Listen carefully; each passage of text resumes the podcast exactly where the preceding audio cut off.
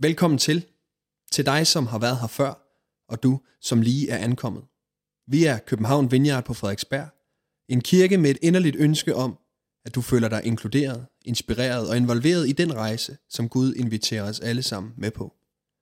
Vi håber, at den næste tid med podcasten på Play vækker opmundring, udfordring eller genklang lige der, hvor du er. God fornøjelse.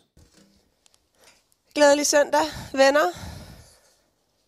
Dejligt at øh, være sammen her. Dejligt at have været sammen til Summit hele den her weekend. Det har simpelthen været så dejligt. Øhm, som en fra mit fodboldhold hold udbrød, øh, udbrød frustreret. Øh, vi stod og jonglerede, og lige pludselig så siger hun meget irriteret, Åh, jeg har så mange intentioner om, hvordan jeg vil ramme den bold, men jeg er jo egentlig bare ikke god til det. Og det ramte mig. For hvor er der ofte rimelig stor forskel på vores intentioner, og så det virkelig levede liv. Og der er en opmundring, en sandhed også på vej til dig i dag, der nogle gange tænker, hvor meget er egentlig godt nok? Hvornår er jeg egentlig god nok, eller er jeg egentlig god nok? Og det er vist i bund og grund øh, de fleste af os, der kan ikke genkende til de spørgsmål. Det kan jeg i hvert fald. Og teksten, vi skal læse i dag, øh, kommer netop ind på det her og giver os nogle svar på de her spørgsmål. Og vi læser fra Johannes evangeliet kapitel 6, vers 1, altså fra starten af kapitel 6. Derefter tog Jesus over til den anden side af Galileas sø, Tiberias sø. En stor folkeskare spurgte, øh, fulgte ham, fordi de så de tegn, han gjorde ved at helbrede de syge. Men Jesus gik op på bjerget, og der satte han sig sammen med sine disciple. Påsken, jødernes fest, var nær. Da Jesus løftede, løftede blikket og så, at en stor skare kom hen imod ham, sagde han til Filip, Hvor skal vi købe brød, så disse folk kan få noget at spise? Men det sagde han for at sætte ham på prøve. For selv vidste han, hvad han ville gøre. Filip svarede ham, brød for 200 denar slår ikke til. Så, de kan ikke, øh, så kan de ikke bare... Hmm. Så de kan få bare en smule hver. Hmm.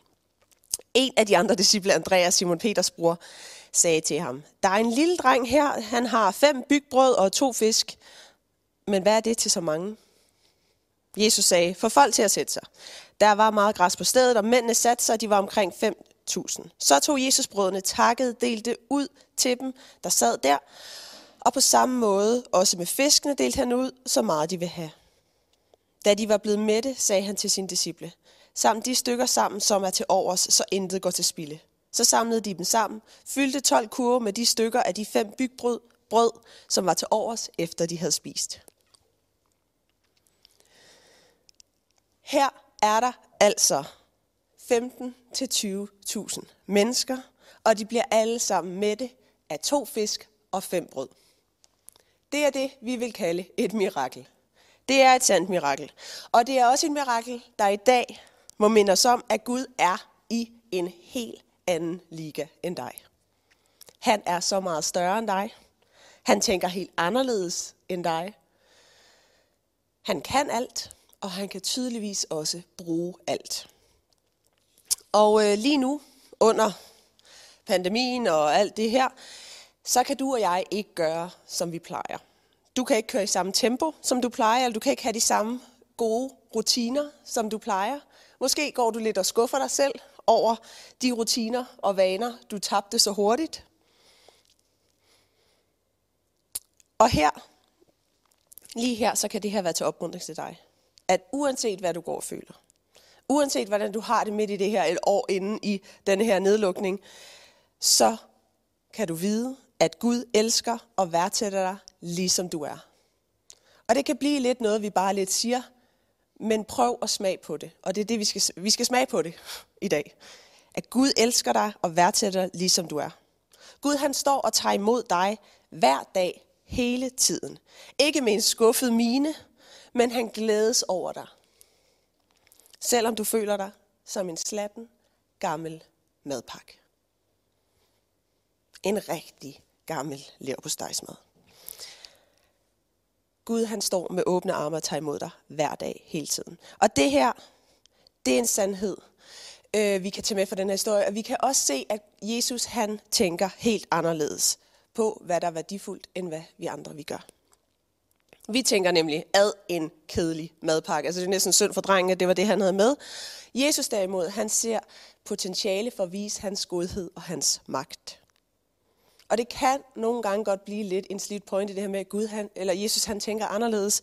Og når ja, det har vi godt hørt. Men udfordringen, tror jeg, for os i dag er at skifte vores tankegang, så den bliver mere ligesom Jesus. Hvis du og jeg virkelig vil følge efter Jesus, være mere som ham, så må vi også ændre vores tanker. Vi må ikke bare tænke større og mere øh, positivt og happy, men vi skal tænke helt anderledes. Og det gælder også dine tanker og mine tanker øh, om situationen, din situation. Tankerne om dig selv, hvad du kan, hvad du ikke kan. Tankerne om dine venner, din familie, hvad de kan, hvad de ikke kan. Vi må ændre vores tanker omkring vores situation. Når vi lægger noget i Guds hænder. Når vi lægger noget i Guds hænder og siger, øh, eller vi lægger os selv i Guds hænder, det vi har, og vi siger, Gud, her, værsgo, jeg er ikke 100 p på, at øh, du egentlig bare øh, må bruge mig, og jeg er nok heller ikke helt med på præmisserne, øh, kunne jeg forestille mig, men her er jeg, prøv at se, hvad du kan gøre ved mig. Hvad synes du om det her, Gud? Så ser Gud på det med helt andre øjne, end du gør. Gud ser anderledes på det og fuld af potentiale. Og vi læser igen og igen i Bibelen, det, vi ser det hele tiden. Gud han øh, ser noget af det, som vi ikke øh, anser for værdifuldt eller kostbart eller øh, ja, stor værdi i samfundet. Og han vender det om og giver det øh, kæmpe værdi. Så føler du, at du ikke slår til. Synes du, at nogle gange så er der milevidt mellem dine intentioner og virkeligheden? Og har du en konstant, eller har du en bare en øh, ofte besøgende dårlig samvittighed over din valg eller dine vaner? Så hør budskabet fra den her beretning her til morgen. Du er god nok. Og jeg kom til at tænke på en episode her for 10 år siden, øh, som har printet sig fast i mit, øh, mit indre. Øh, og lige pludselig på, så kom, stod det så klart for mig igen. Og jeg var lige startet her i kirken, øhm, og jeg var i gang med at arbejde igennem en masse ting inde i mig. masse øh, forvirrende ting, der var, der var landet lidt forkert øh, i forhold til øh, mit sabbatår, hvad jeg havde gang i der, om noget med kirke og mission. Sådan en masse big spaks, øh, jeg gik op øh, arbejdede med. Og øh, jeg husker en eftermiddag, at jeg ligger under min dyne, og jeg ved, jeg kan ikke huske, om jeg er syg, men jeg ligger og ryster lidt, eller har det i hvert fald ikke godt. Jeg tror, jeg er sikkert helt vildt udmattet. Og øh, der er et eller andet, jeg bare må afsted til. Jeg skal afsted, og jeg synes, det var noget med kirken. Jeg, øh, jeg, sidder, jeg ligger lige og får den sidste varme af dynen, og så skal jeg afsted. Og min søster Mette, som nu er Helsingør Vineyard, hun er hjemme hos mig der, og hun prøver at få mig til at blive liggende. Og jeg husker hende råbe af mig, fra den anden side af værelset, med sådan hænderne op mod tænding, og sådan, det er jo helt sygt, hvad i alverden foregår der? Og det trængte ligesom lidt igennem, fordi det er ikke sådan, vi normalt kommunikerer i min familie. Hvorfor, hvorfor kunne jeg ikke bare blive liggende der under dynen? Jeg havde det ikke godt. Jeg havde det tydeligvis ikke godt. Hvorfor kunne jeg ikke bare blive liggende? Men når jeg lå der i sengen, hvem var jeg så? Og jeg var ikke særlig bevidst om det på det her tidspunkt, men i dag kan jeg se, at jeg lagde alt, alt for meget identitet i at være en, der altid mødte op. En, der altid var klar til at hjælpe. Og en, der altid havde travlt. Og jeg havde et helt urealistisk og dybt uholdbart på grænsen til problematisk program kørende. Og det betød også, at jeg på fjerde semester på studiet gik helt i sort til en eksamen, gik klappen ned, meget ydmygende, Øh, jeg gik hjem igen til min søster og lagde mig i fosterstilling i hendes seng og ventede på, at hun kom hjem, så hun kunne tale lidt sund fornuft ind i mit liv. Og øh, der brugte jeg så cirka et år, jeg, jeg tror jeg brugte et år på at komme på benene igen. Og jeg havde i det år en sommer, hvor jeg ikke lavede noget som helst. Jeg måtte finde ud af, hvem jeg var, uden mit meget stramme og travle program, som jeg lagde alt, alt for meget identitet i. Det var så vigtigt for mig at have travlt. At være en, der ikke kedede mig, en, der altid havde gang i noget og sås med venner. Og måske oplever du noget lignende, eller kan genkende det her. Og jeg kom til at tænke på den her historie om min fejl, delvist fejlplacerede identitet til i dag, fordi beretningen om Bibelen nemlig handler om, at vi ikke skal prøve at gøre os til noget, så gør os til mere, end vi er.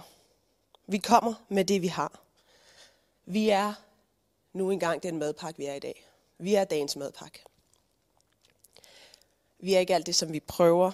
Øh, ikke alt det, vi prøver at være og fremstille os selv om, øh, som, men vi kommer, som vi er. Og når jeg lægger alt det, jeg kan, alt det, jeg har, og egentlig ikke bare det, men også hele mig selv over i Guds hænder, så er det, at jeg ser min hele identitet. Og måske, måske indtil jeg har gjort det, så er den delvist fejlplaceret. Det er først, når vi lægger hele os, hele os selv over i Guds hænder, at vi ser vores sande identitet. Vi kommer til ham, vi overgiver alle vores intentioner, alle vores fiaskoer, og så opdager vi, hvem vi i virkeligheden er, og så ser vi os selv rigtigt. Vi bliver forvandlet gennem Guds blik, og jeg får indblik i, hvem jeg virkelig er. Du bliver forvandlet gennem Guds blik, og du får indblik i, hvem du i virkeligheden er. Så det er altså godt nok. Det er godt nok de smuler, du har. Det er mere end nok i Guds hænder. Og man kunne ikke, altså man kunne ikke gøre de der, eller det er en antagelse det her, at man ikke kunne gøre de fisk og de der brød meget mere fancy, end de egentlig var. De havde jo nok ligget i den drengs madpakke, eller i hans taske, eller et eller andet i lang tid. Og de var også tydeligvis slet ikke nok, men Gud velsignede det. Og i den her corona-lockdown, så stopper vi med at gøre nogle bestemte ting, som vi plejer. Og så lige pludselig, så er der tid til andre ting. Måske er der faktisk tid til periodisk kedsomhed. Og hvad er det så, vi møder? Der i de der øh, tomrum, i de der kedsomhedsøjeblikke. Ofte er det vores egen utilstrækkelighed. Vi har store tanker og intentioner om, hvordan vi vil leve – men realiteten er bare ofte en anden. At det billede, det billede, vi har inde i hovedet af, hvordan vi godt vil have, at det hele skulle være, passer måske ikke helt med, hvordan det faktisk ser ud. Og denne her disconnect, eller den her forskel, den kan skabe en sorg. Det kan også være, den skaber en skam. Det kan også give en besættelse af det perfekte og jagten efter det perfekte, at det kan man da kontrollere. Og som jeg sagde i indledningen, så udbrød en fra mit fodboldhold, hashtag Nørrebro United, jo selvfølgelig. Øhm, hun udbrød frustreret, Åh, jeg har så mange intentioner om, hvordan jeg lige vil ramme den her bold, men jeg er bare egentlig ikke god til det. Og da hun sagde det, så ramte det os alle sammen, alle os, der stod der og prøvede at jonglere med bolden, og vi stod bare om at grine af, hvor op og køre og glade vi var over at nå op på fem berøringer efter cirka en halv time. Nogle gange er det bare rart at møde vores utilstrækkelighed. Smile af det og sige, ja, her er egentlig bare to fisk og fem brød, og de er ikke friske. Vil du ikke hjælpe mig, Gud? Jeg kan godt selv kramagtigt holde fast i den her intention og ambition. Men, hallo, hvilken ufattelig lettelse. At sige, nå ja, det var godt nok bare en kæmpe fiasko. Eller sige, ja, der tog jeg virkelig fejl. Altså der tog jeg sindssygt meget fejl. Eller det der, det var da en elendig beslutning. Eller sige, ja, det her, det er jeg virkelig, virkelig bare ikke god til. Og så kom videre. Hvilken lettelse og hvilken befrielse.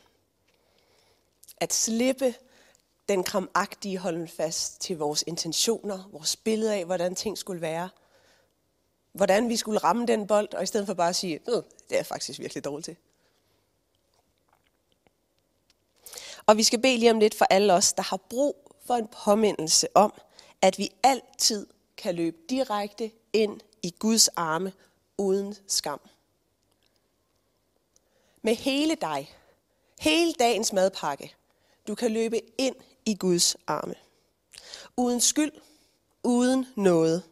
uden at have været der før, uden at have været der i lang tid, uanset hvilke tanker, uanset hvilke tvivls, tvivlsspørgsmål du går med, uanset om du faktisk lige har besluttet dig for ikke at tro længere, uanset om du lige har valgt at tro på ham, Jesus, og lige ved at finde ud af det hele, uanset om du har været sød mod alle hele ugen, eller om du faktisk, hvis du skal være ærlig med dig selv, har været en idiot over for alle, du har mødt på din vej.